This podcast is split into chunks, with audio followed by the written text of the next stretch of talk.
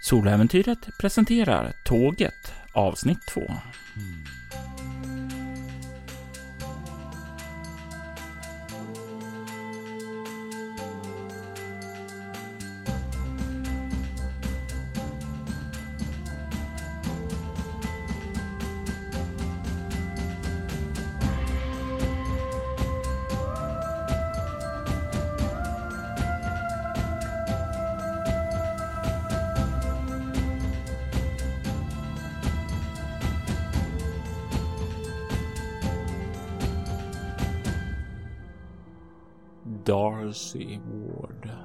Befinner sig ombord på ett tåg tillsammans med en grupp som verkar gå under namnet The Ectoplasmic Exorcist. Men om de har varit någon typ av exorcister så har de misslyckats fatalt. För de verkar ha förvandlats ja, till monster, till viljelösa zombier. Darcy har tagit livet av två av dem och tagit sig djupare bakåt i tåget och kommit nu ut till restaurangvagnen där hon har slagit sig ned.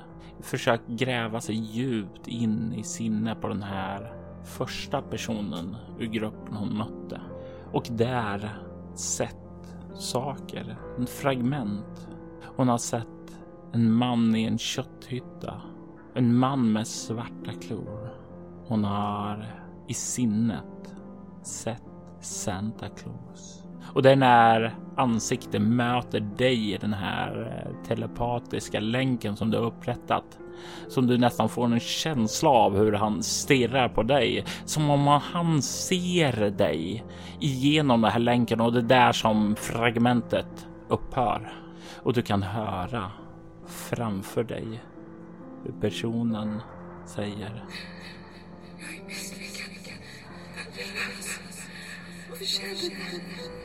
den vaggar fram och tillbaka framför dig. Hon verkar ju ha dödat många av de andra passagerarna. Jag kan inte låta henne fortsätta så här. Det tar lite emot ska jag väl säga. Det är ändå någonting som talar till mig med den här stackars människans lidande. Men jag måste ju jag måste få slut på det. Jag får nog inte ut så mycket mer av henne. Så hur gör du slut Ja, hon verkar ju inte vara lika antagonistisk som hennes kamrater.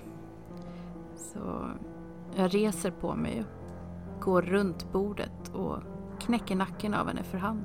Och du är på väg att föra handen mot hennes nacke då du ser hur det plötsligt tar emot där, hur det gnistrar till där av eterisk energi som om man det är någonting från det dödas plan, den eteriska existensen som skyddar henne. Vem det än är som har besatt den här kroppen så verkar den personen skydda den. Som om den är rotad hit till den här kroppen. Den är annorlunda än eh, de andra. På något sätt så är den här både starkare och mer intelligent. Ha.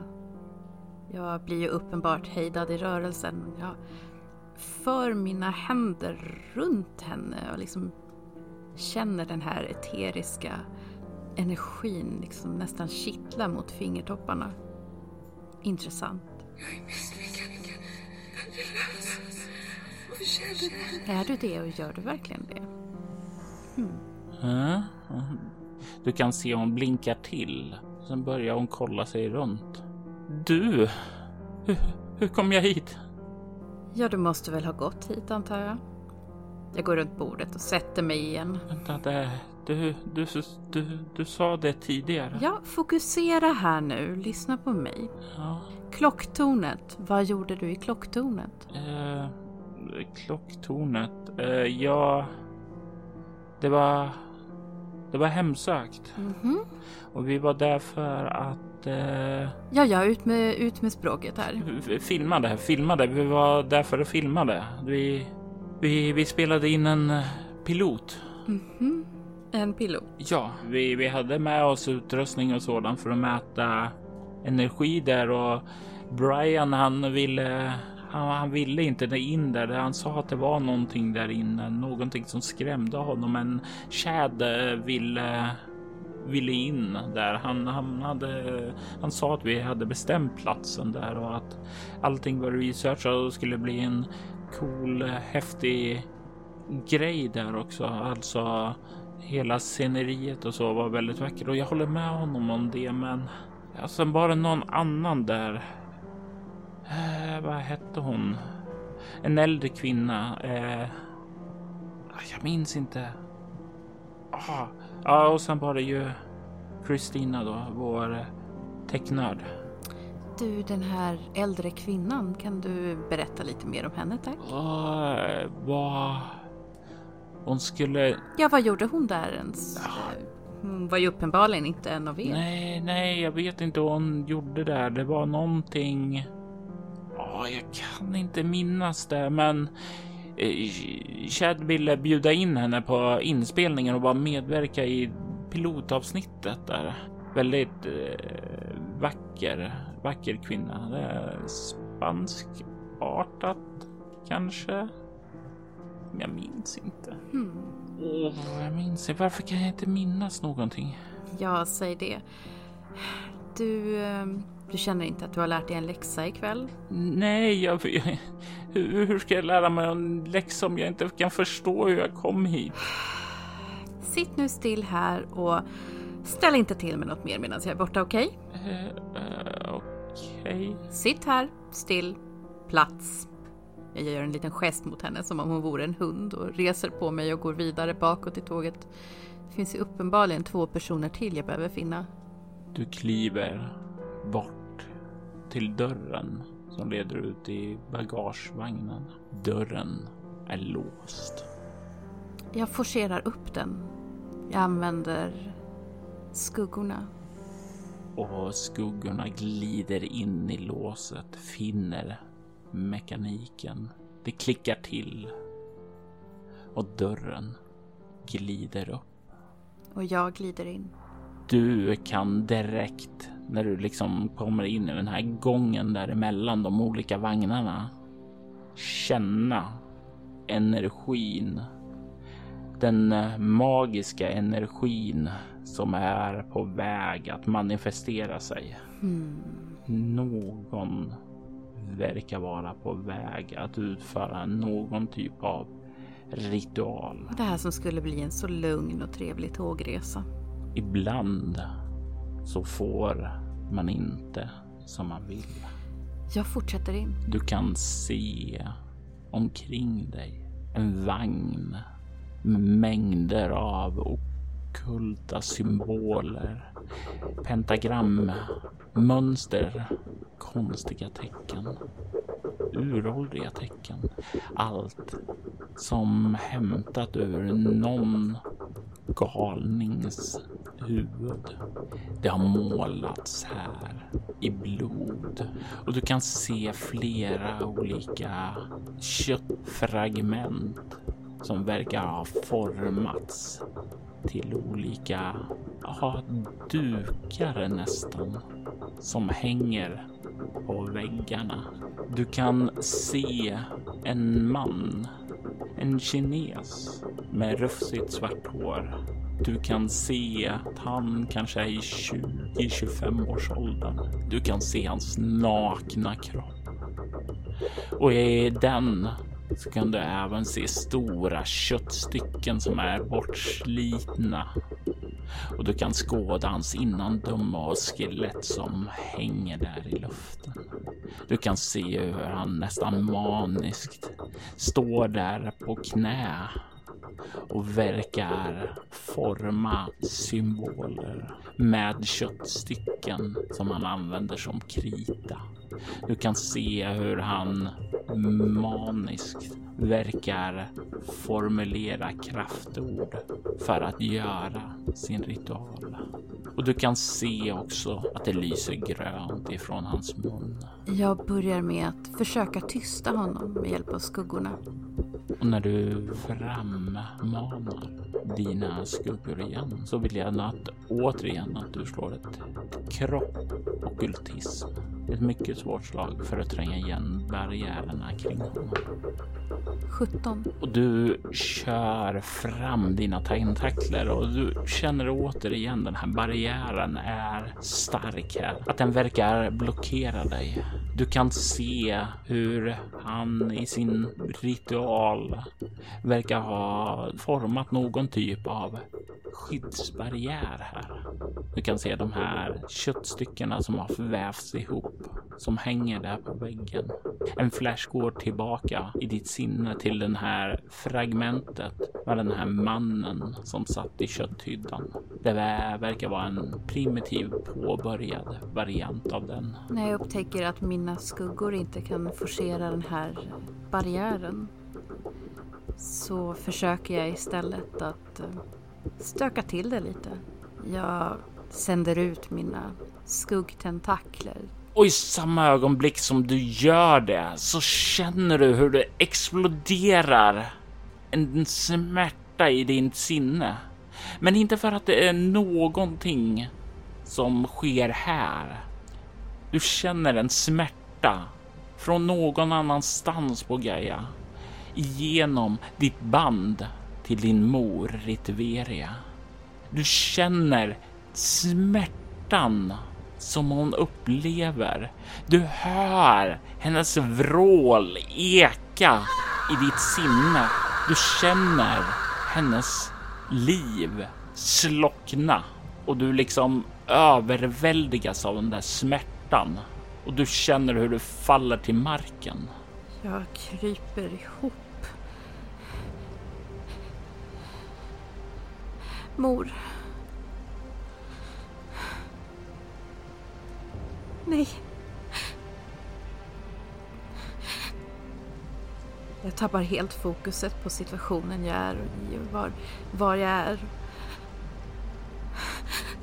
Din mor hade tappat fokuset på sitt mål, men även då hon hade förlorat sin väg så kände du alltid hennes närvaro. Alltid hade du henne där oavsett var hon rörde sig någonstans i världen. Men nu så är du ensam.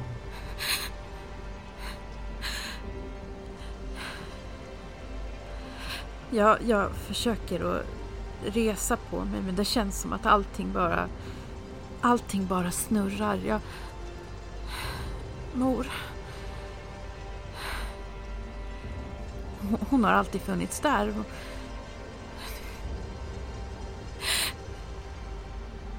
Vad hände? Du känner en hand läggas tröstande på din axel. Och jag hoppar till och ser mig om. V- Vem var det? Det är kvinnan som du lämnade i restaurangvagnen. Hon kollar på dig med sin livlösa blick och säger Du är misslyckad, värdelös och förtjänar det här. Du är misslyckad, värdelös och förtjänar att dö. Det tänder en ilska i mig. Det är som att det ger mig den ilska jag behöver för att resa på mig. Misslyckad, värdelös och förtjänar att dö. Rent instinktivt knuffar jag bort henne. hon är inte beredd på det och det blir definitivt hårdare än vad du kanske tänkte. Du är trots allt inte människa så det är liksom det blir en extra kraft med dina krafter från din fars sida liksom skjutsar iväg henne så hon liksom far emot väggen längre bort där.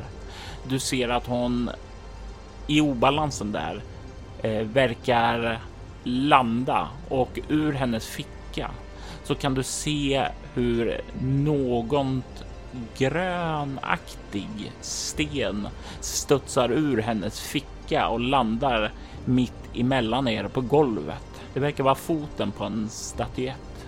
Är kvinnan medvetslös? Kvinnan är inte medvetslös, men den verkar disorienterad nu. Misslyckad, värdelös och förtjänar att dö. Misslyckad, värdelös och förtjänar att dö. Misslyckad, värdelös och jag tittar på henne.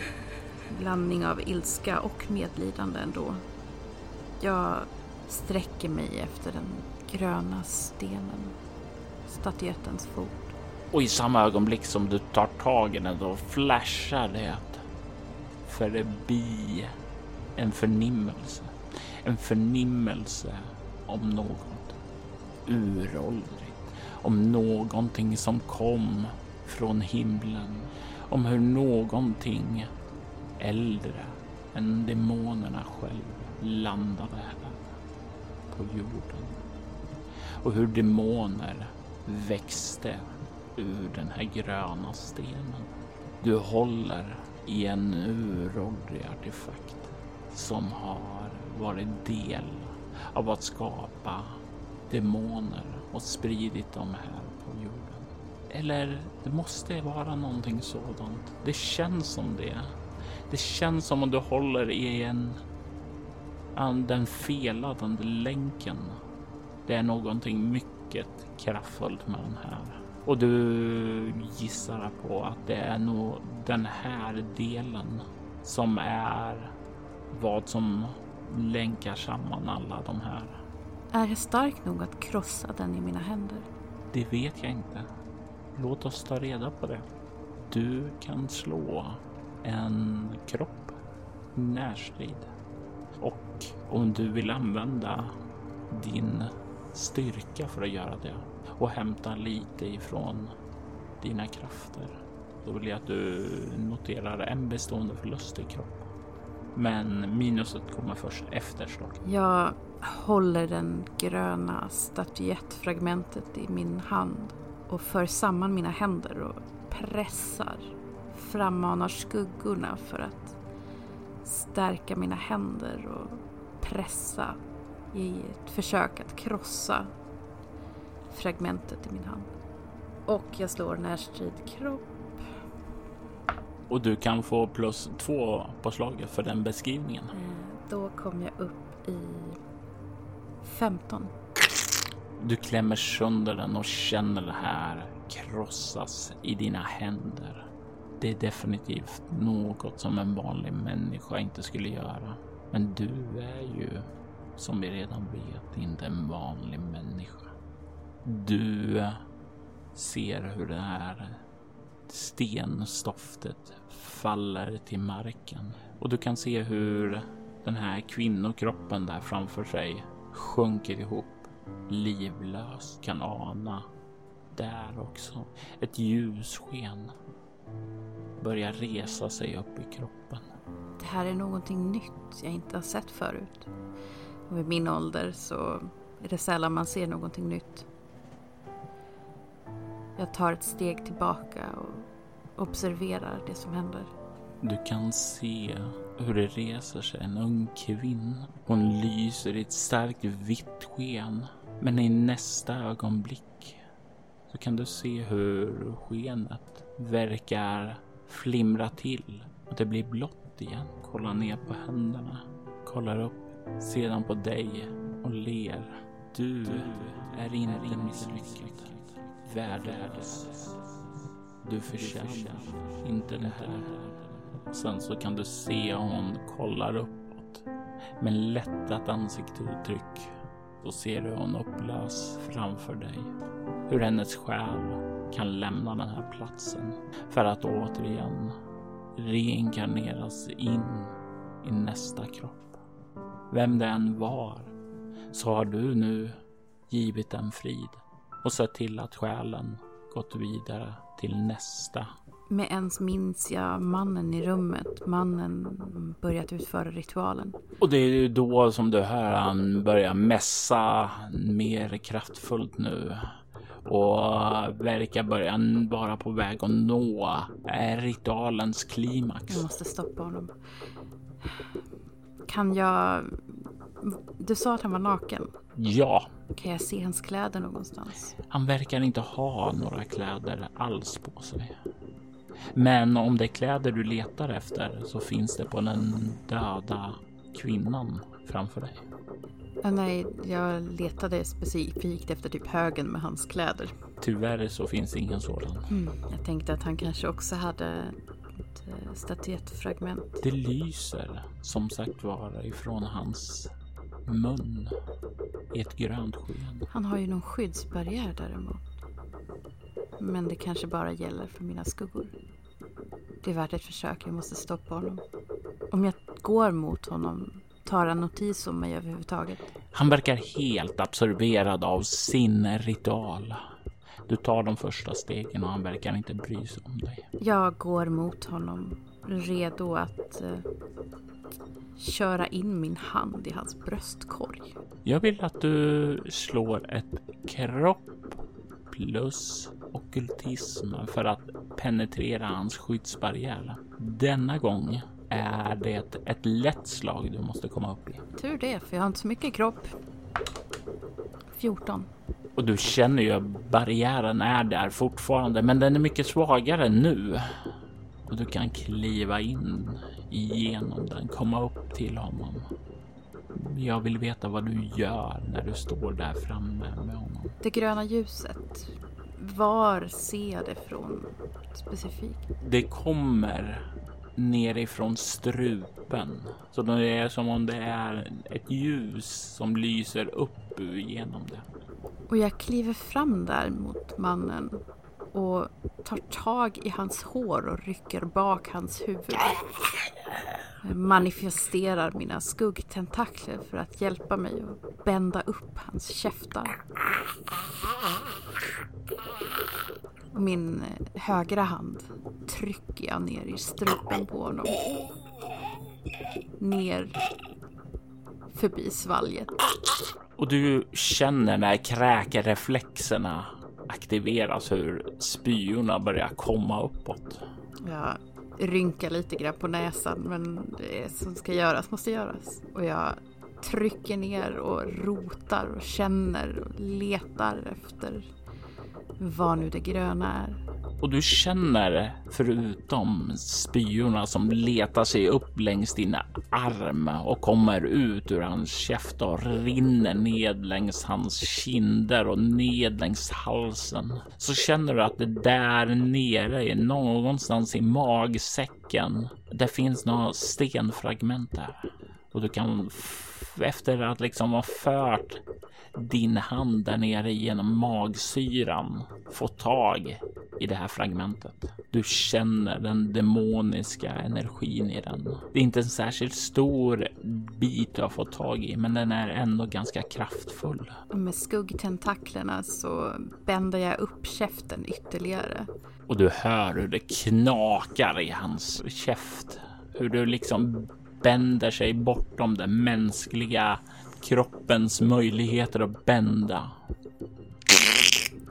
Och jag tar upp det här fragmentet och drar ur min arm ur den unge mannens hals. Och du kan se när du gör det och håller den här att det är som om han verkar ha fryst i det läge han befinner sig. Du ser att den här fragmentet som du håller i verkar ha varit en del av en statyett. Troligtvis en del av ett ben till den här stenfoten du såg tidigare. Och när jag har dragit ur min arm så tar jag faktiskt av mig den här tjocka ylletröjan också. Liksom torkar bort kladdet från min arm. En blick av avsmak. Kastar jag den här tröjan på den där mannen. Och du kastar den där mot honom och i sin stelnade person så är han ju inte mycket mer än en herrbetjänt, utan han blir en plats där du slänger och där, där din tröja blir hängande på honom. Du har det här stenfragmentet i din hand. Som med det andra fragmentet tidigare så pressar jag det mellan mina handflator, gnider mina händer mot varandra och med hjälp av skuggorna i vagnen så maler jag den här stenen. Och det går mycket, mycket lättare än den här stenfoten eftersom den är så mycket, mycket mindre. Du ser herrbetjänten glida ihop på marken. Ritualen, ja, den är över nu. Vad det än var som han försökte åstadkomma. så verkar det över. Du känner plötsligt hur tåget rycker till och accelererar med en kraftig ryck så du liksom känner hur du är på väg att kastas omkull. Jag vill att du slår ett svårt slag med kropp, rörlighet. Du får slå två tärningar för din specialisering är relevant här. Jag stod dubbelsexor. Det var ju fint. Så um, det blir, nu ska vi se vad hade vi? Det blir 12 plus 9 så 21. Du har inga problem att liksom parera det här med att återfå balansen ganska fort. Det är inte ens så att du kastar en sån kull eller blir så här stapplar undan, utan du kan känna det där accelerationen och liksom glida med den och du känner nu att tåget har accelererat till en ja, fart säkert 200 kilometer i timmen nu och den verkar på väg uppåt. Jag har en känsla av vad det är som har hänt här. Vad tror Darcy har hänt? Jag tror ju att de här andra två hopplösa stackarna fortfarande har sina statyfragment. De var inte döda bara för att det hade oskadliggjort dem för stunden. Ja, döda var de väl. Det har ju inte hindrat någon förut. Med bestämda steg rör jag mig framåt i tåget. Jag använder mig av skuggorna för att ta mig fram snabbare. Och du kommer ut i restaurangen och du liksom glider där från skuggorna där till själva dörren på andra sidan. Du kommer ut i nästa vagn i där du gjorde så tidigare och hoppar förbi allt det utspridda Eh, slamsorna som är där. Och du kommer ut i vagnen där du såg Jocken, han som hade fått sitt ansikte strimlat och du ser att han har rest sig upp och står där mitt i vagnen och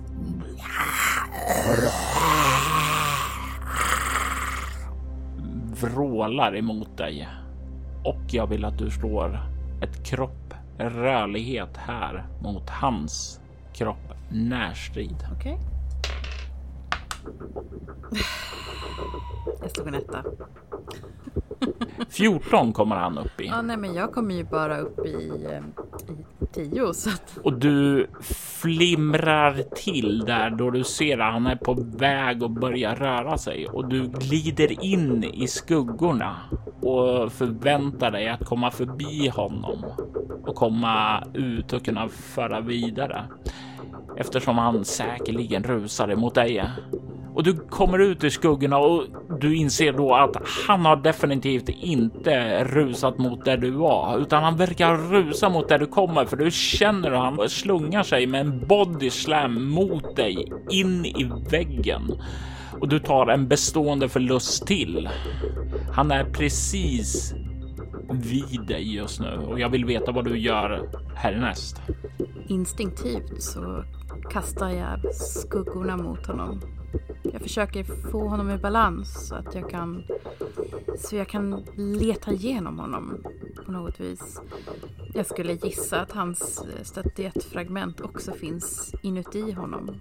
Jag behöver få omkull honom. Och dina skuggtentakler sliter tag i benen så han faller bakåt. Där du har en fantastisk balans så har inte han det. Och han landar på marken som en säck potatis.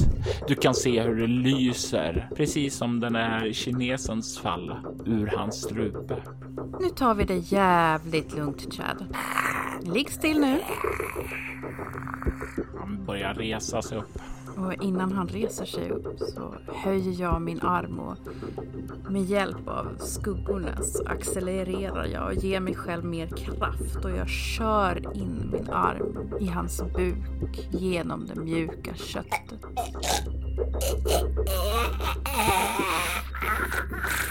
Jag känner runt där i buken, letar efter det lilla mjuka, nej, det lilla lena, hårda fragmentet.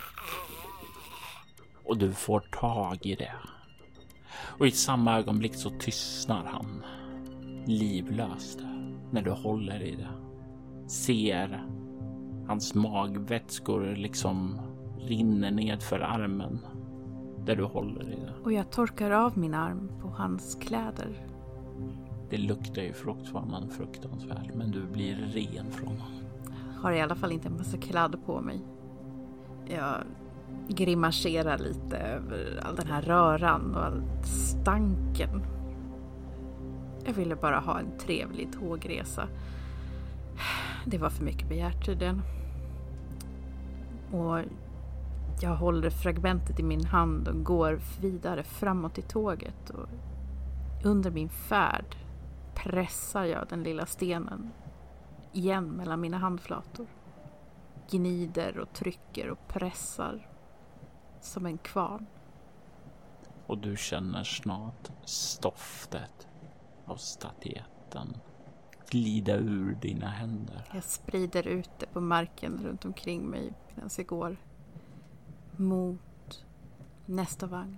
Och du kommer ju ut i din vagn. Den som du satt i innan hela det här stöket ombord utbröt och avbröt din rofyllda tågresa.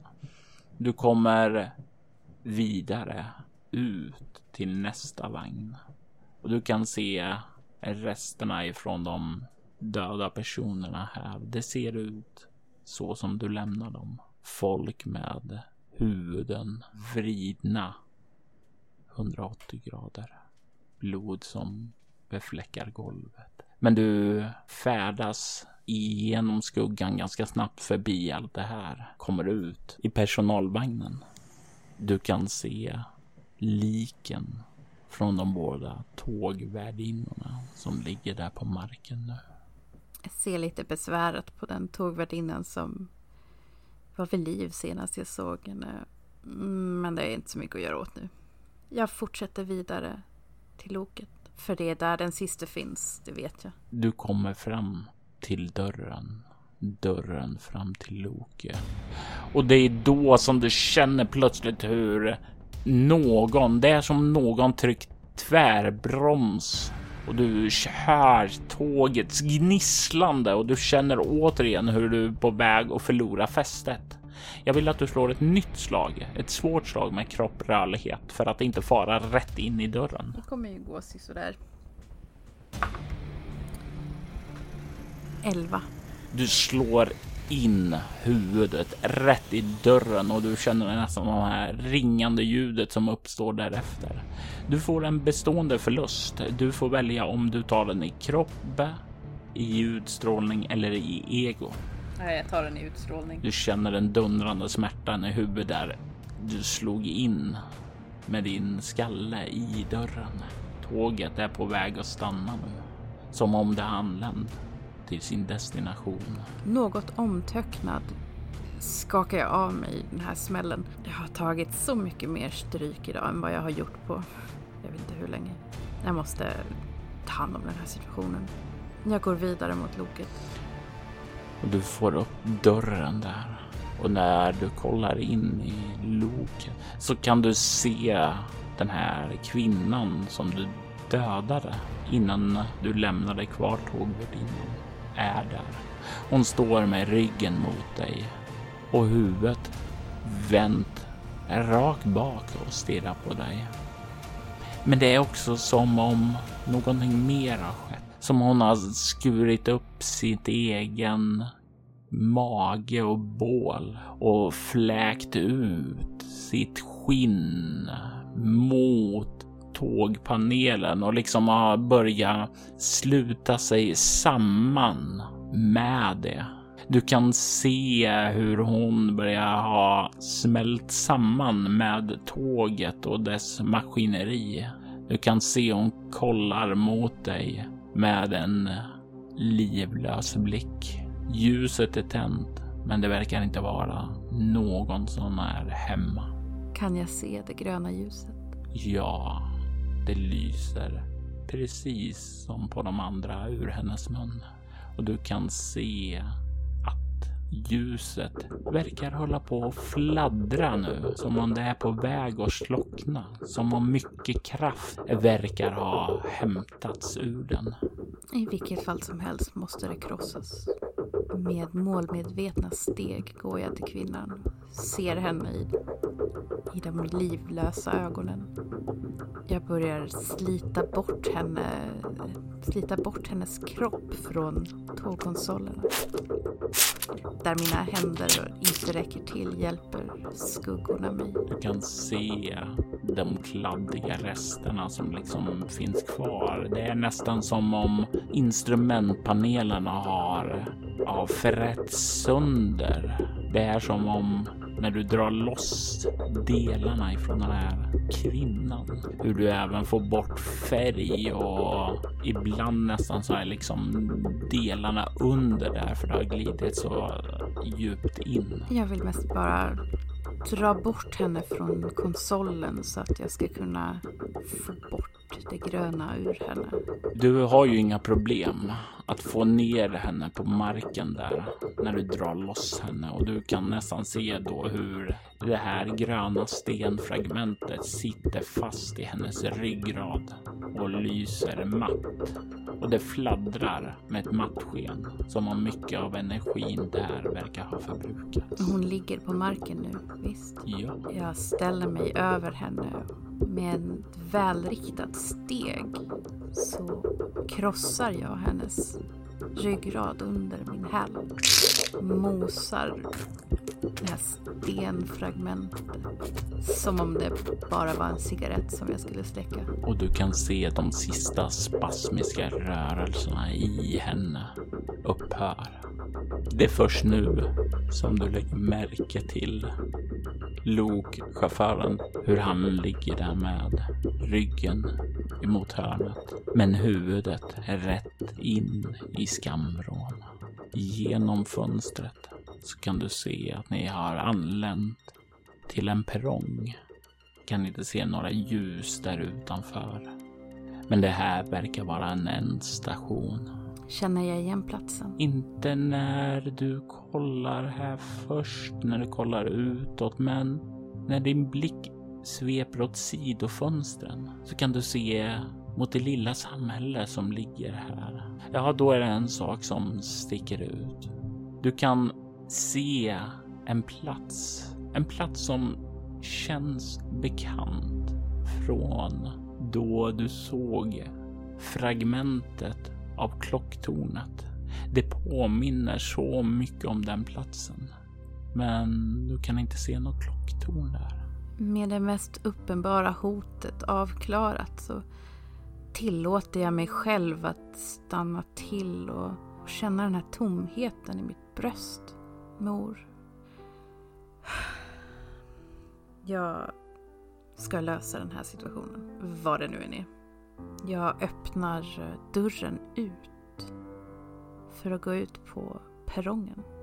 Och du kliver ut på Woodtorch perrong. Den lilla staden där allt det här började. Du kikar inåt där. Det är dags för svar.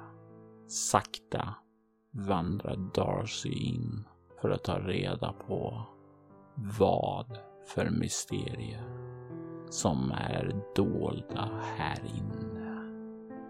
Woodtorch, Tåget, avsnitt 2 var ett scenario skapat, spelat och redigerat av Robert Jonsson. Spelare i detta avsnitt var Sanna Vallapuro som Darcy Ward. Övriga roller i detta avsnitt var Amanda Stenback som Kylie Youngs röst. Regina Backlund som Ritveria. Temamusiken till detta avsnitt gjordes av Marcus Linder. Du kan hitta honom på Bandcamp som Mbit. Övrig musik gjordes av Flowers for Body Snatchers, Coag Music, Shrine, Adrian von Ziegler samt Vlog Music. Flowers for Body Snatcher och Shrine är band som tillhör bolaget Cryo Chamber. Vill du ha stämningsfull ambient musik vid dina spelmöten rekommenderar jag dig dem varmt. Länkar till kanalerna som de har hittar du på Bortom-bloggen. Soloäventyret är en actual play podcast där vi spelar rollspelen Bortom och Leviathan. Ni kan komma i kontakt med oss via mail på info.bortom.nu. Det går även att följa oss på Instagram och Twitter på @spelabortom som Soloäventyret och Bortom på Facebook samt på bortom.nu. Tack för att ni har lyssnat.